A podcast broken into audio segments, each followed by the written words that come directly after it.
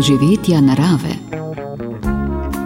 Dober dan in lepo pozdravljeni, dragi ljubitelji narave. V lepem sončnem petkovem popoldnevu z vami bomo tudi v naslednjih minutah srkali dogodivščine, ki se jih je v iztekajočem se tednu odvrtelo ogromno.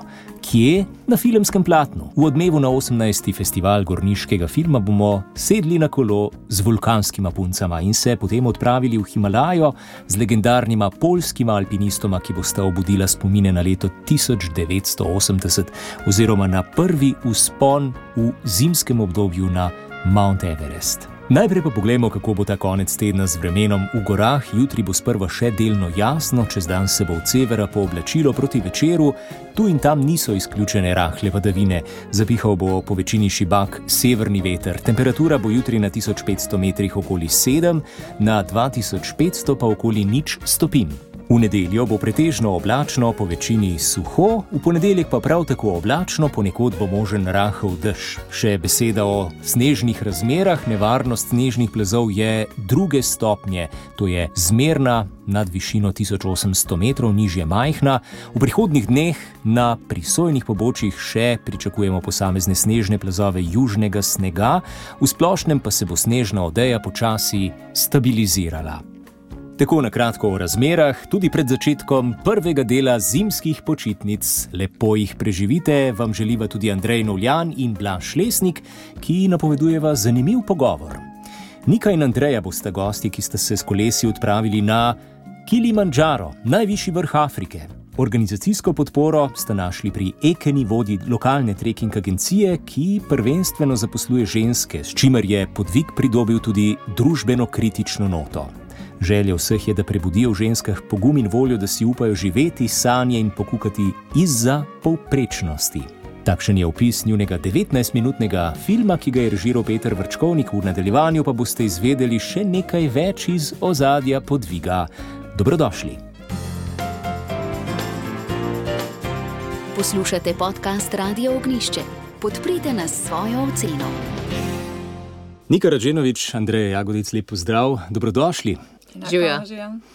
Tiha moč je naslov filma, ki smo si ga lahko ogledali v Cankarevem domu v sklopu Gorniškega festivala. Veliko moči sta morali pokazati na kolesih, o vajni avanturi bomo govorili zdaj. Le. Vedno je to klasično vprašanje, odkot vzgib, odkot ideja. Kilimandžaro kot najvišji vrh Afrike privlači marsikoga, ampak dovolj je že to, da stopiš z lastnimi nogami na vrh. S kolesom je nekaj drugega. Andreja. Ja, ideja se je pojavila v bistvu na eni turi, večkrat hodimo več prijateljic, nekakšno plezanje, kolesarske ture in tako naprej. No, in enkrat se je pojavila, smo se pogovarjali, kaj bi lahko še šle malo više, malo dol, kaj posebnega. In potem je ena rekla, ki je bila tam, uh, mislim, da bi bilo po Kilimanjaro tudi lahko, a ne za pelet s kolesom. Jaz sem tudi že bila 20 let nazaj tam peša, ne, in se mi je res dela taka zelo fajn ideja. No, in po mojem smo bile zelo hit zmenjene že na takrat, ne, uh, da gremo, ko bo prišel čas, no pa smo pa sami še čakali, da bo prišel čas. In, in čas je prišel. In čas je prišel. Ja. Ampak vedeti ste morali, da je to sploh mogoče. Namreč, ko se tako le pogovarjamo o Kilimandžaru, tudi kdo ima malce predstave, kako je pospeti se gor z, z nogami, mislim, peš. Si misli pa, kako gre to s kolesom, sej ni nobenih poti, oziroma ni steze za kolo. Mogoče malo izkušnje, ki jih imamo veli, na velikih stezah, kjer se mi uh, vozimo s kolesom, za večino ni poti. Tako da uh, mogoče malo drugače gledamo na te poti, kaj je možno in kaj ne. Jaz sem da tudi vmes še okrog naporen, sem šla s kolesom in hitro vidiš, da se da po različnih poteh, pa tudi različno visoko. Tako da tam smo prišli tudi uh, čez 5000 metrov. Potem pa v bistvu. Ne vem, enostavno uh, malo pobrskaš po spletu, zdaj je dostopnega veliko in tudi vidiš, da nisi prvi, uh, da se da. Takrat dobiš pa dejansko, po mojem, še večji zagon. Uh, z leti pa z izkušnjami niti ne rabaš gledati, ali je kdo že bil, je boljš, če nihče še ni bil. In enostavno z izkušnjami povlečeš to, kaj je možno in kaj ne. Včasih pa enostavno pač greš, vidiš in poskusiš.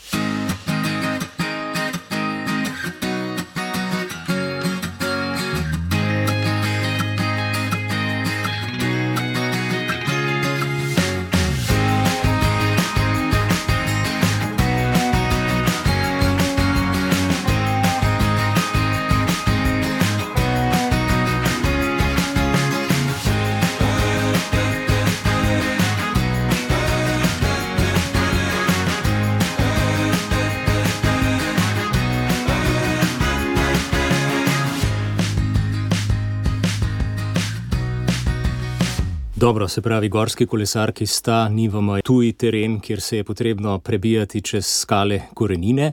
Kilimanjaro leta 2023, lansko leto od septembra, kakšno je bilo to obdobje, kdaj se v bistvu najpogosteje uspne tudi eh, peš na Kilimanjaro? Zdaj, Kilimanjaro je zelo blizu ekvatorja, tako da ni nekih velikih odstopanj vremena. Imáš dve ta deževna obdobja, ampak hod se pa kadarkoli gor. Ne? Zdaj za kolo smo seveda iskali bolj suho obdobje, tako da je to nekako, mislim, da od. Uh, avgusta do januarja, pa potem še druga varianta. Je, vem, tako da smo iskali to suho obdobje, ampak tudi tam se spremenja to vreme ne, in lahko doživiš kadarkoli sneg na vrhu, mraz in uh, mož biti pač pripravljen na vse razmere.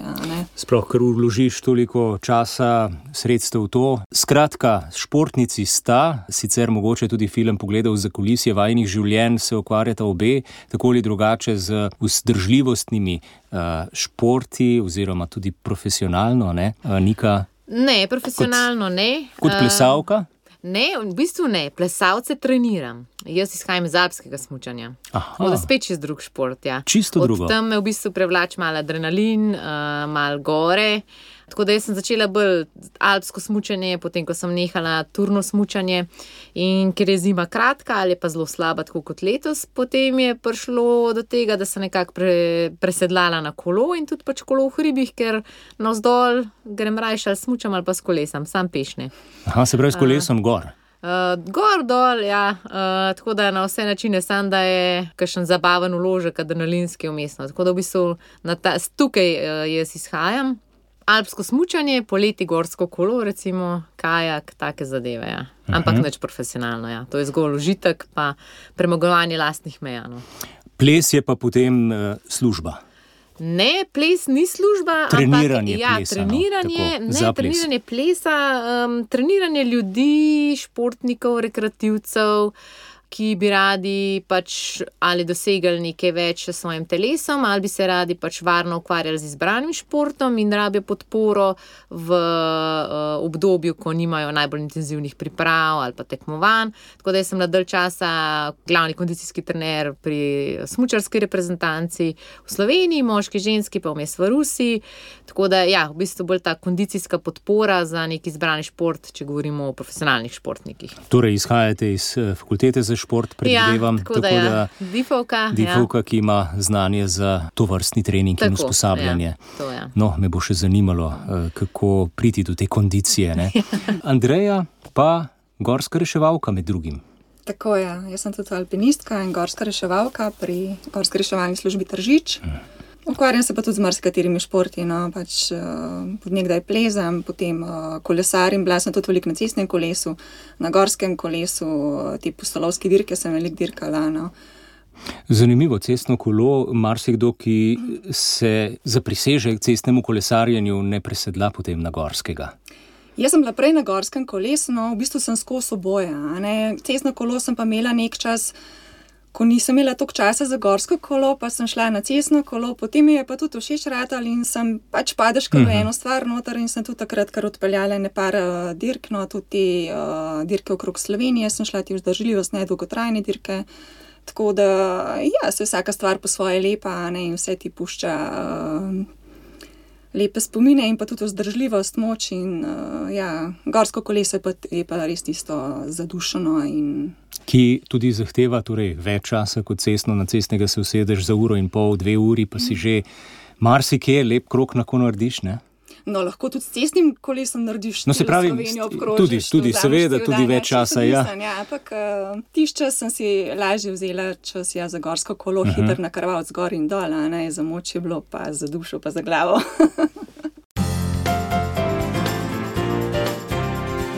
Poslušate podcast Radio Ognišče podcast Radio Ognišče.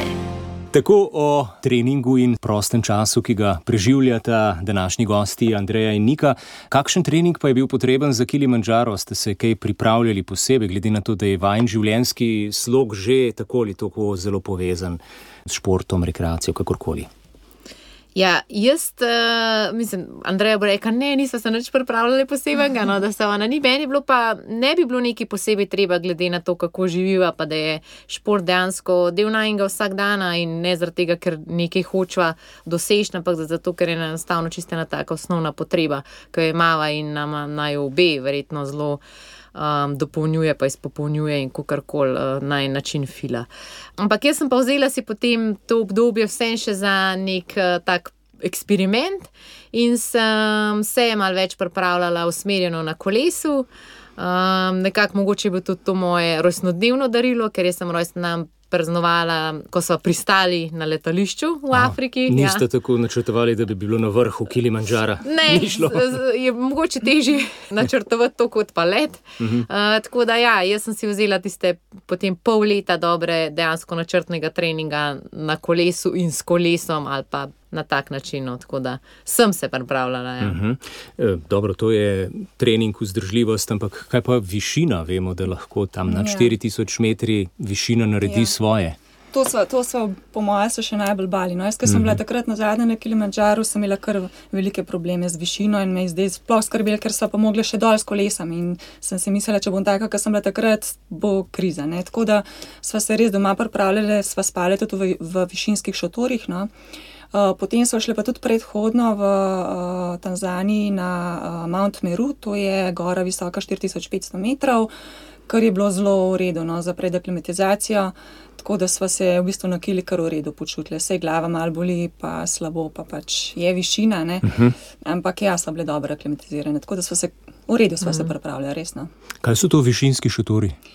Ja, to so v bistvu šotori, v katerih, v katerih uh, spiš po noči, oziroma lahko si tudi več časa. No, in, um, Ti uh, imaš neko komoro zunaj, in potem celka pride noter, pa šotor uh -huh. in v bistvu zmanjšuje tlaka. Uh, tako da si v bistvu stopnjuješ višino in lahko priješ do 4000 metrov, v bistvu s tem, da spiš v šotoru, ne se aklimatiziraš počasi doma.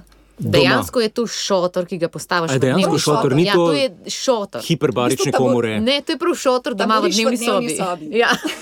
to zato, da se že malce tudi ne samo aklimatiziraš, ampak ja. privadiš temu načinu, da si v šotoru. Sej... Ja, tudi lahko, recimo, ja, čeprav tam sem le samo en dan v šotoru. Sej ja. to sem pomislil. Ja, ja, čeprav doma si lahko na jogi, ja, tam ne boš. In je tudi to pomagalo, zagotovo ja, je prispevalo. Ja, ja. Dobro, potem pa, ko sta pripravili vse potrebno s kondicijo in eh, višinskimi pripravami, se je začelo, tudi malce je v filmu prikazano, ja, eh, odhod od doma. Mislim, da ste Andrej rekli, da je vedno to težko.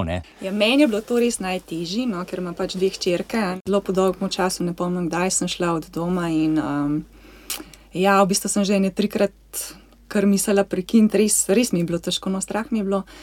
Uh, tako da, ja, to je bil najtežji del, ampak sem si pač res uredila doma tako, da, mm -hmm. da, da je bilo vse v redu, da sem imela, da moram zaupati. Uh, in tudi punci sta. Ste lepo sprejeli. ja, ja, ja, saj, eh, tako je bilo tudi v filmu. Ja. Uh, koliko časa ste bili od doma? 14 dni. Jaz sem tudi težko od doma. Tudi Oziroma, težko? Jaz sem šla že doskrat od doma na razne te odprave mm. uh, v visoke hribe in, in se mi zdi, da sploh za take stvari, za podvige, ki niso mogoče samo nek dopust um, ali pa trekking, je res fino, da čutiš uh, pristno podporo najbližjih. No. In tega sem si neizmerno zdaj želela. In tudi na zadnje, ko sem šla, sem rekla, da gremo doma, če dobim to domačo podporo. Pa tudi, če je na, na razdalji, čeprav še, lep, še lepše bi mi bilo, če gre kdaj zraven kdo za podporo, ampak vse enja. Če veš, da greš lahko uh, miren mhm. in res potem fokusiran na tisto, kar imaš za upraviti, kar si želiš, je potem ta užitek toliko večji in lepši. Ja, na nek način, ko tako se pogovarjam, recimo. Z alpinisti, z moškimi, ne, je e, morda ta odhod drugačen, se morda tudi vama tako zdi. E, namreč tudi v filmu želite pokazati na tiha moč, je naslov, morda tudi tiha moč žensk, tiha moč te vloge, ki jo imate ženske danes v svetu, je tudi tu malce drugače. Doživljate to bolj, ko bi rekel, širše. Nekdo vas bo doma pogrešal, težko se je odlepiti od tega domačega ognišča, moški pač verjetno lažje gremo premočrtno proti cilju. Ja. Ja, je. Tudi načeloma, um, ko se je porodila sama ideja in začela ideja raz, razvijati, pa zoreti za Kilimanjaro, se mi zdi, da je skozi bolj prihajalo v, v spredje to, da želimo poudariti ravno to, da ženske si. Si smemo dovolj vzeti čas zase, da tudi mi imamo določene sanje, in um, da je dovoljen, da jih tudi mi si uresničimo, če pač imamo ta pogum in predvsem pa pač je to podporo um, domačega okolja. No. Tako da mhm. tudi z tega vidika sva potem, ko je Andreja najdla organizacijo v Tanzaniji, ki jo vodijo ženske oziroma ženska.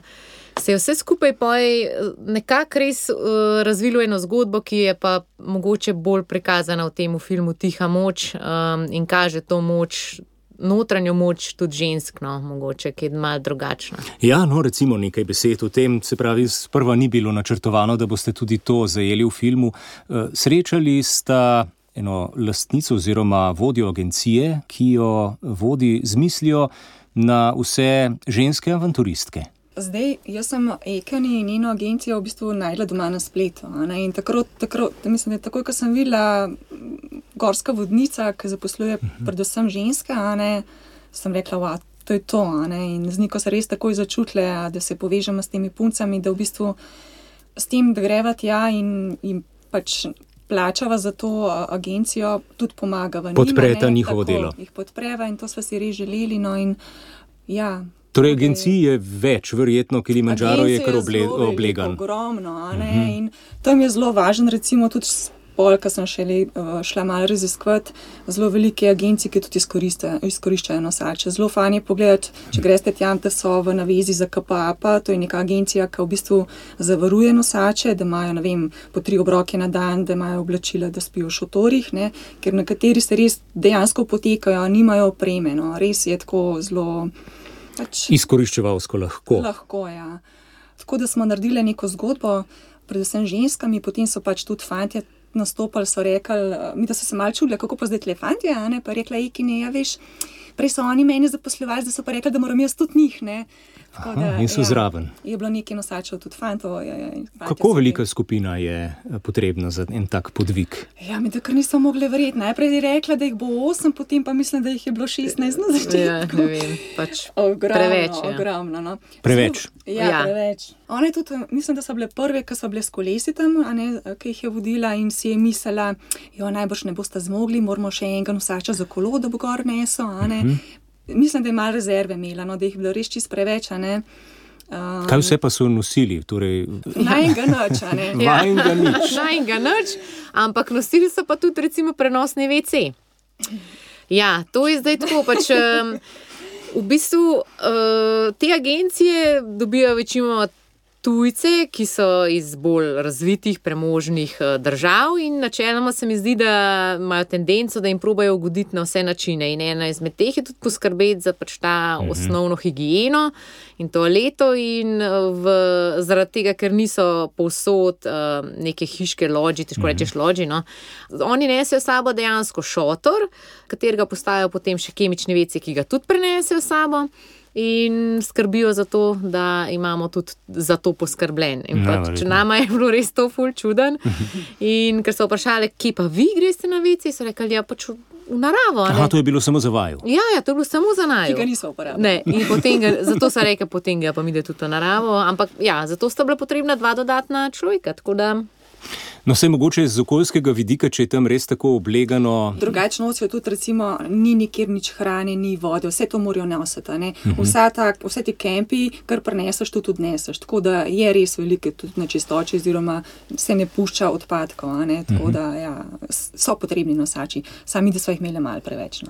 Tudi recimo za zadnji kemp, um, za tisti uh, zadnji, zadnji kemp, tik preden se naskoči na vrh, uh, dejansko tam ni vode in oni znosijo iz predzadnjega kempa vso potrebno vodo za oskrbo svoje pač, skupine gor. Tako da je v bistvu nekih 60 do 100 litrov vode za dve osebe, plus vse osebje. Predvsem plus vse znosijo, osebje, ne, ja, očitno, ja. znosijo. Znosijo, tok vode. Ne. Neverjetno. Da, ja, so res neverjetni. No. Mhm. So pa tudi pravila, ne? vsak nosač lahko nese do 20 kg. Pri puncah je pa še malo, mislim, da ima neko interno pravilo 17 kg, -huh. tako da več kot tok ne smejo. No, pa to je samo voda, potem je tu še hrana, nekaj upreme. Ne? Potem... Ja, hrana, vsa.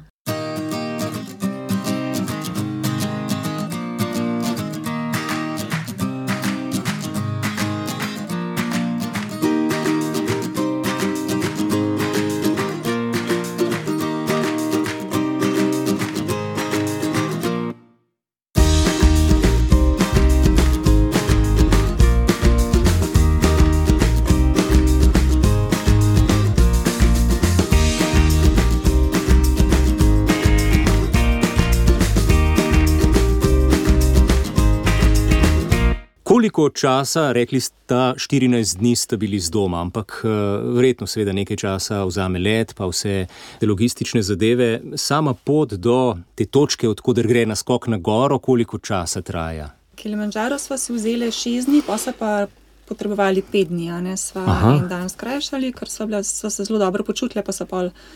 Odhiteli domov. Ja. Tako da ja, 3 dni gor, pa 2 dni dol. Lahko bi tudi v enem dnevu dol, a ne sam pač no, nosači naj jo ne bi dohitevali, Ne. tako da smo mogli počakati v enem kempu. No. Se pravi, nosače ste v vsakem primeru morali imeti s seboj, ker je to zahteva agencije, ampak ja. Ja. potrebovali bi jih vsaj enkrat manj, če sem Ja, razumel prav. verjetno, Zdaj težko ja. rečemo, Ja. no, sem. Vse ne vidiš vsega v zadju, kar se dogaja, a ne, predvsem s tem, ker oni morajo tudi ne hrano sam prenesti, tudi kuhno, plin, take stvari. Mm. Verjetno, če si zelo racionalen ali pa če bi res hoteli tudi mi dve izredno, da smo čist minimalistični, bi bilo tega še manj, ampak oni vseeno gledajo, da. Probajo uh, poskrbeti za maksimalno udobje svojih klientov, ker večina njihovih klientov pride na Kilimanjaro in si pač želi, niso mogoče taki avanturisti, niso uh, vajeni to vrstnih odprav, dejansko je mogoče to njihov prvi tak večji cilj in um, probajo poskrbeti za njih, da se čim bolj počutijo. No, glede na to, da sploh oni to Kilimanjaro prodajajo kot sedemdnevni paket, avion, avion, recimo. Je kar nekaj potem dela, imajo dela klienti sami sabo že z hojo, potem s počutjem in višino, tako da mislim, da ta v support okrog potem probajo res Mhm. nameniti temu. da Ja, da verjamem, ker eh, je tudi naporno, ko nekdo ne zmore, ko ga zdela Ja. ja. višina, klient pa je plačal. Ne? Se pravi, so Ja. ja. verjetno tu kar težave. Ste videli, koga kje je omagal na vajni poti? Ja, ja. Ja.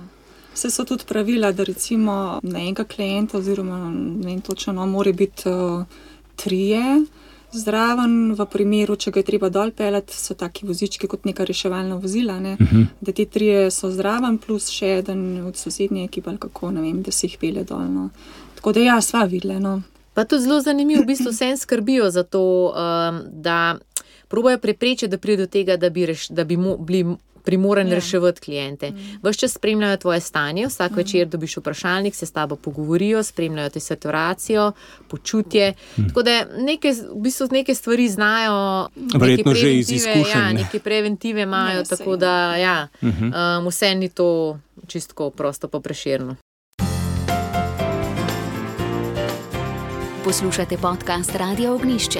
Podprite nas in postanite prijatelj Radio Ognišče. Kako pa je tehnično zahtevno, eh, Andreja, kot alpinistka proti vrhu, kako je z eh, samim plezanjem? Ni tukaj Ni. plezanje, ni tehnično No, no, no. zahtevno. No. Glede na to, da, imata, da ste imeli Ja. kolo s seboj, verjetno tudi ne bi šlo. Ne? Tehnično zahtevno je bolj dolno. Ja. prvi, del, prvi del spusta. Uh, za gor v bistvu je strmo, to zadnji del od 4700 naprej je strmo, no, tako da je v bistvu, predvsem, ker je že taka višina, pa nositi moš kolo, pač postane malo teže vse skupaj. Je pa zanimiv spust polza navzdol. No. Najprej imaš tako po kraterju, mislim, uh, po, na eni strani imaš krater, na drugi strani imaš ledenike, potem imaš pa pod uh, uh, Gilman's Point, to je na višini 6, uh, 5, uh, 600. Kakšnih 70 višinskih metrov imaš zelo tak skalnat, no tam smo mečkam kolo dol nesli, ker bi bilo zelo zahtevno, predvsem pa tam ne smeš pasno, da bi se kaj naredili, tako je zelo izpostavljen. Uh -huh. Drugač pa potem do Kibota, se pravi do 4, uh, 700, 700. Imaš pa potem zelo tak eh, globok pesek uh, in moš kar delati, no, tako je kot en mocevcev. Ni prav potem užitek. Mislim, pri ja, zdaj, utrujen si že, malo te višina daje a ne, in skoro res moš delati, no, ni tako, da bi se sam odpeljal navzdol. Uh -huh. uh, tako da je ti malo tehnično zahteven. Naprej se pa res sam odpira. No, no. od Kibota dol pa. Do kam? Eh, Do, Do doline. do doline. Ja, Tisto ja. pa je Tisto potem pa prihranek. Uf. Eh, Ja, zanimivo ni bilo prav dosti posnetkov. Jaz sem pričakoval malce več s samim kolesom. Ne. En kader, ko nosite kolesi, morda še o tem, ker si marsikdo ne predstavlja, verjetno si mislimo, da se ste jih potiskali, ampak ne, kolesi sta bili na hrbtih. In to celi, ne? Ja, um, mislim, vsa zadeva je bila že zasnovana tako, da v bistvu grejo mi dve na Kilimanjaro s kolesom, zato ker si to želiva, ker nam je izziv in niti nismo pričakovali, da bo od tega um, ratal kakršen koli, recimo medijski pomp. Ampak potem so si pa zaželeli, da bi zdaj so vsi ti telefoni, narediš milijon slik posnetkov in to ostane na telefonih. In so si zaželeli, da bi nek tak spomin imeli, pa mogoče da ni album, da naredijo nek tak filmček. In tukaj se je vključil Peter Vrčkovnik in on je pa res v filmskih vodah in dobil dejansko tako idejo ki so jo zagrabili. Žal, ne, pa, ker mi dve nismo načrtovali tega vnaprej, najni posnetki za velika platna in take vrste filmov niso pač uporabni, pa primerni. In ja, dobijo velikrat komentarje, jo je škoda, premalo je uh, samega hriba, samega kolesarjenja, uh, ampak evo, vse imamo že nov projekt, tam pa bo. Tam pa bo. Tam pa bo. Odlično. Zdaj pa moraš ja. naštudirati, kako posneti vse. to. Ja. Ampak ja, za nositi kolesa pa smo se pripravili. V bistvu, uh -huh. Imeli smo mečke na hrbtnike, take, da imajo mehen bolj ploščat, uh, vrhni del, da se lažje naslonijo kolesa dejansko na nahrbtnik. Uh, imeli smo neko posebno. V bistvu tak zatič, ki ga spet en del je na, na hrbtniku, en del je na kolesu, in, in se v bistvu te dva tako ujameta, potem da imaš roke proste in lahko v rokah imaš palce in si po strmejših delih s palcem pomagaš. Kolo pa da- stabilno.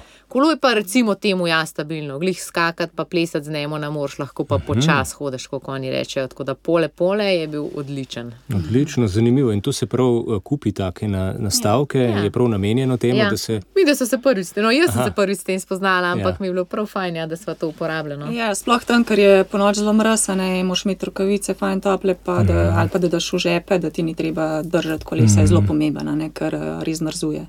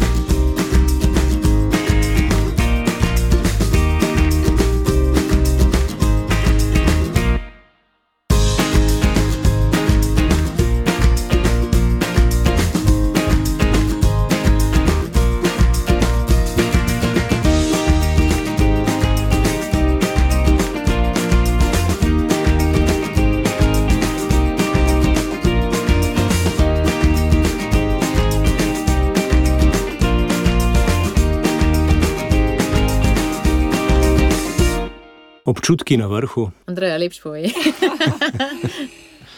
Jaz, kot bom rekla, no, na vrhu res ne doživljaš še tistega vsega. in Ne vem. Fajn smo se stisnili, objeli, zelo Ja. iskali, potem ti pa res čaka še pol dela na vzdolj. Mi da smo vedeli, a ne, da na pol dela še čaka na vzdolj. Ne, ne. In uh, jaz sem imela tudi probleme predvsej s z bremzami, ampak tako da sem tudi top dosti razmišljala tam gor, kako pa kaj. Kaj se je zgodilo? Ja, prav zaradi tega tlaka a ne, se je v bistvu bremze so se malo spraznile in tako da vse doma sem pelala preventivno na servis, eh, sam sem jih samo um, uh, prezračala, nisem zamenjala olje. a ne, tako Naredili da- so test eh, do 2000 metrov Ja, višine. Rekla, da nas naslednjič vemo, tako da moramo še enkrat. ja. Ne, si vesel, Ja, je nekaj olajšanja, da si na vrhu, ampak na vseh vrhovih je enak. Mislim, saj jaz imam mehke tiste anksioznosti, vse treba še dol. Ja, ja. In uh, razen če veš, da je čist nekaj tega enostavnega. Uh, drugače pa ja, na vrhu vse, malo je v zadju to, treba je priti dol, treba je biti zbran še. Um, Koliko pa boli glava, sta omenili višina? ja mene tokrat. Ne, tokrat Ni mi bilo. Ne, ni me tako bolelo. No. V bistvu me je namerujo, na Mount Meruju me je bolj dajal, prvih Ko se je telo privajalo. Ja. ja. Me je pa mogoče ja, na prejšnjih odpravah in sem se tukaj res bala tega, no, ker sem vedela, kako moje telo odreagira na višino, pa da mogoče rabim več časa, kot so tukaj imeli ga na razpolago. Ampak časi pa mogoče pogumne spremlja sreča. ne vem. Ja, to bi lahko rekli tudi za eh, vodjo te agencije, ki ste jo njeno zgodbo nekako dali v spredje. Izkušnja, torej pozitivna, se je dobro končalo vse in ostajate kaj v stiku.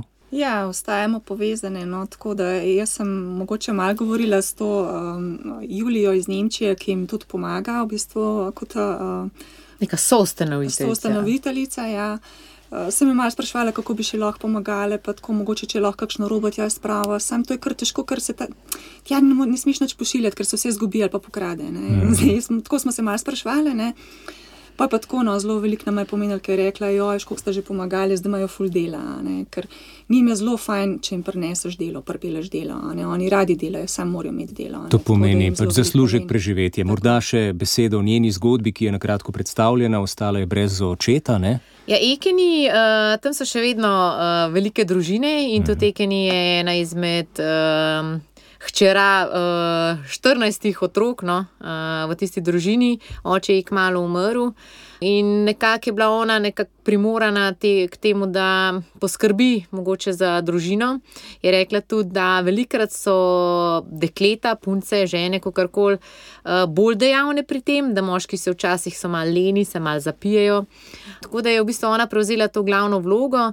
In meni je bilo par stvari tako fascinantnih, ko je rekla, da eh, ko je začela pač z vodenjem, mama je plačala to usposabljanje in potem je začela kot nosačka takrat prvič zaslužila nekaj denarja in v bistvu pri 18 letih si kupila prvo vzmetnico uh, za neko verjetno bolj bogo, uh, za uh, posteljo. Tako da pri 18 letih, potem, kasneje, ko je zaslužila malo več, je imela nekako dovolj, da je speljala ne ravno čist do, do hiše vodovod, kot mi, da odpreš pipo in voda teče, ampak ni jim bilo treba več v reko po vodo.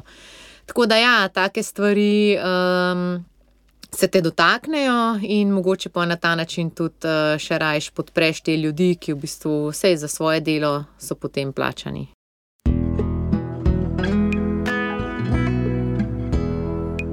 Poslušate podcast Radio Ognišče. Podprite nas s svojo oceno. Hvala.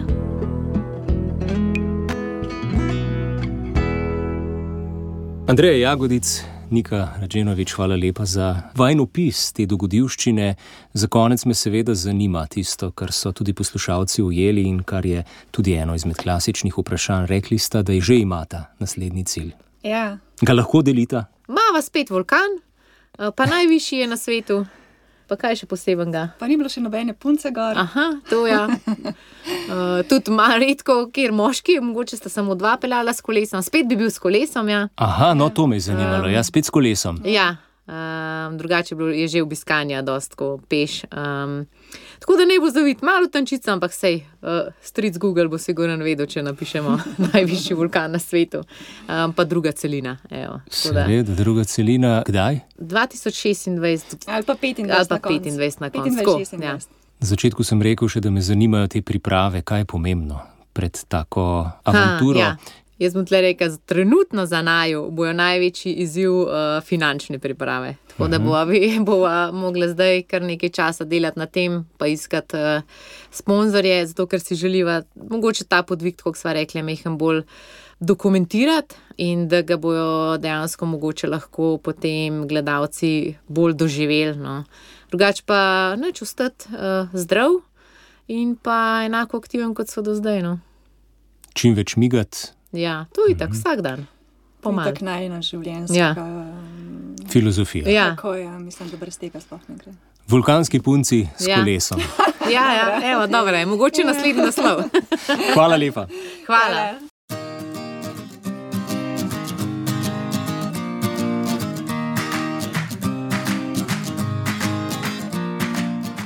Nadaljevanje našega druženja v petkovem popoldnevu pa nas bo popeljalo v Himalajo. Glavna akterja, ki sta nastopila tudi na festivalu gorniškega filma, sta alpinistični legendi, ki sta popeljali vse zbrane v začetke vzpona polskega alpinizma le slabo leto po uspehu prvenstvenega vzpona slovenske oziroma takrat jugoslovanske odprave na najvišji vrh sveta po zahodnem grebenu. To obdobje v 80. in 90. letih prejšnjega stoletja se je z zlatimi črkami zapisalo v zgodovino polskega himalajizma.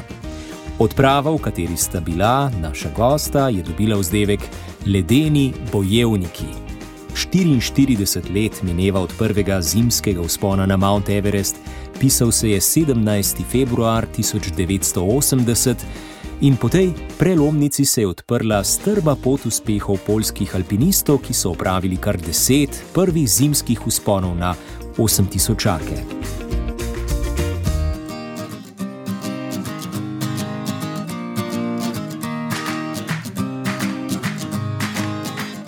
In še nekaj besed o obeh alpinistih, Lešek Čihi se je rodil leta 1951, je poljski alpinist, geodet, finančnik in podjetnik. V zgodovino se je upisal zaradi prvega zimskega vzpona na Everest skupaj s Kristofom Vjelickim, s katerim se je po zimi povzpel še na Manaslu. Lešek je prvi poljski plezalec, ki je dosegel najviše vrhove vseh sedmih celin. Kristof Vjelicki pa je rojen leta 1950, je peti človek, ki se je povzpel na vseh 14 tisočakov in prvi, ki se je po zimi povzpel na Mount Everest skupaj s Čihjem. Na Kangchenzengo, Manaslu in tudi na Lotse. Leta 2019 je prejel zlati cepin za življensko delo v alpinizmu.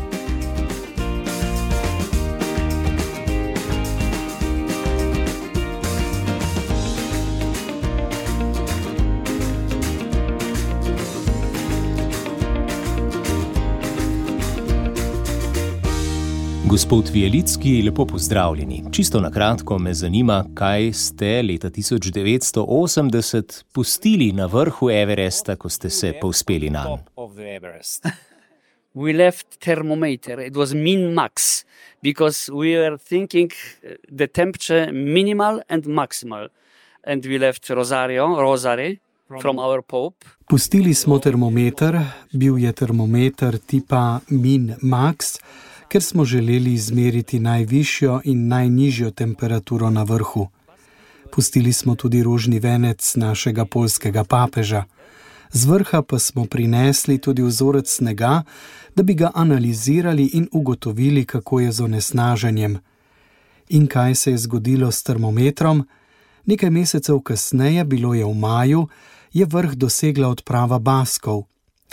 Niso pazili in so ga premaknili tako da ni bilo mogoče razbrati podatkov maksimalne in minimalne temperature. Kaj pa se je zgodilo z rožnim vencem? Rosario they took down and they left the Basque flags on the summit. So Rožni venec pa so odnesli seboj v dolino. Na vrhu so pustili svojo baskovsko zastavo. Naši kolegi z naslednje polske odprave so nam jo kasneje prinesli dol. Sneg smo pa poslali na posebno analizo, kjer so ugotovili, da je onesnaževanje bolj ali manj enako kot v Bombaju. Ni bilo veliko razlike. Pojasnili so tudi, kako je prišlo do tega. Močan veter, ki piha z juga države, je onesnaženje prinesel na sever, od spodaj vse do najvišjega vrha in pravzaprav povsod drugod. Onesnaženje je torej tudi v teh najvišjih predeljih, ki so prekriti snegom, enako kot v industrializiranih območjih države. In najbrž je še danes tako, kaj ne? Mislim, da je res. To se zdi, da sploh ni problem. Saj, če je onesnažen sneg v nedostopnih predeljih, nikogar ne moti. Vendar ni tako. To namreč pomeni, da če želimo rešiti naš planet, ga moramo rešiti tudi tam, celo na Everestu. Še eno vprašanje imam in sicer o tem, kaj pomeni biti aktiven pri vaši starosti. Kako vam to uspe? Ste polni energije? Mislim, da je genetika najpomembnejša. You know, and you know, climbing and alpinism is in the head, not in the muscle. So Mislim, da je pri tem najpomembnejša genetika. Veste, plezanje in alpinizem, to je v glavi, ne v mišicah. Nikoli nisem imel kakšnih zdravstvenih težav, nisem bil bolan, ne vem. Imam zelo visoko vrednost maksimalne aerobne kapacitete, VO2. To je vrednost, ki pove največjo količino kisika, ki ga lahko organizem porabi v eni minuti. Tako da, ja, privilegiran sem. So, privilege. I am privileged. so you are still climbing how ah, high? Of course, six thousand we are climbing in Hunza in Pakistan. Torej, še vedno plezate, kako visoko? Ja, seveda, plezam šest tisočake v pogorju Hunzaji v Pakistanu, to je zelo odmaknjeno območje, tja gremo raziskovati. Nikogar ni tam in tam so še celo nekateri deviški vrhovi. Ali plezate z mlajšimi plezalci?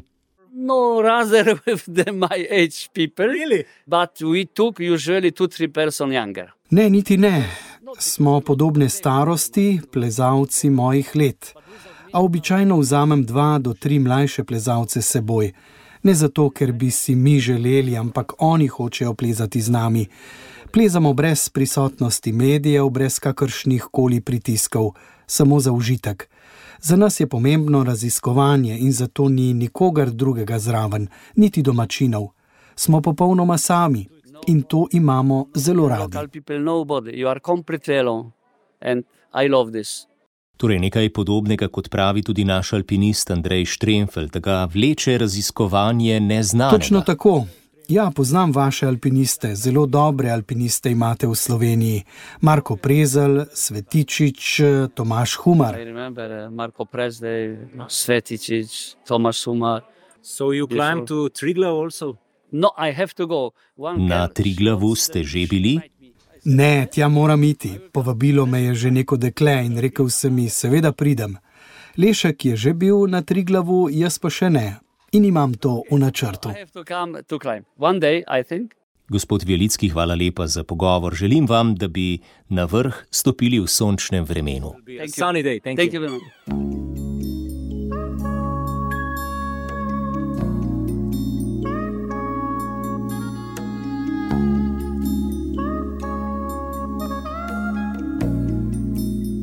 Doživetja narave. Dragi prijatelji, hvala lepa za vaše spremstvo v današnjem petkovem popoldnevu pri vseh dogodivščinah, ki smo jih spoznavali malce od bližje, prihodnji petek pa nas čaka drugačne vrste raziskovanje. Prav na današnji dan, pred natanko 200 leti, se je rodil slovenski pravnik, gospodarstvenik, geograf, kartograf in politik Peter Kozler. Znan je predvsem po svojem zemljevidu slovenske dežele in pokrajin, torej prvem zemljevidu, ki je ponazarjal območje, na katerem so živeli Slovenci. V spomin na njega nas bo pot vodila na Kočevsko. Do takrat nabirajte svoje doživetja, varen korak in srečno vam želiva Andrej Novjan in Blaž Lesnik. Naročite se na podcast oddaje. Storitev je brezplačna.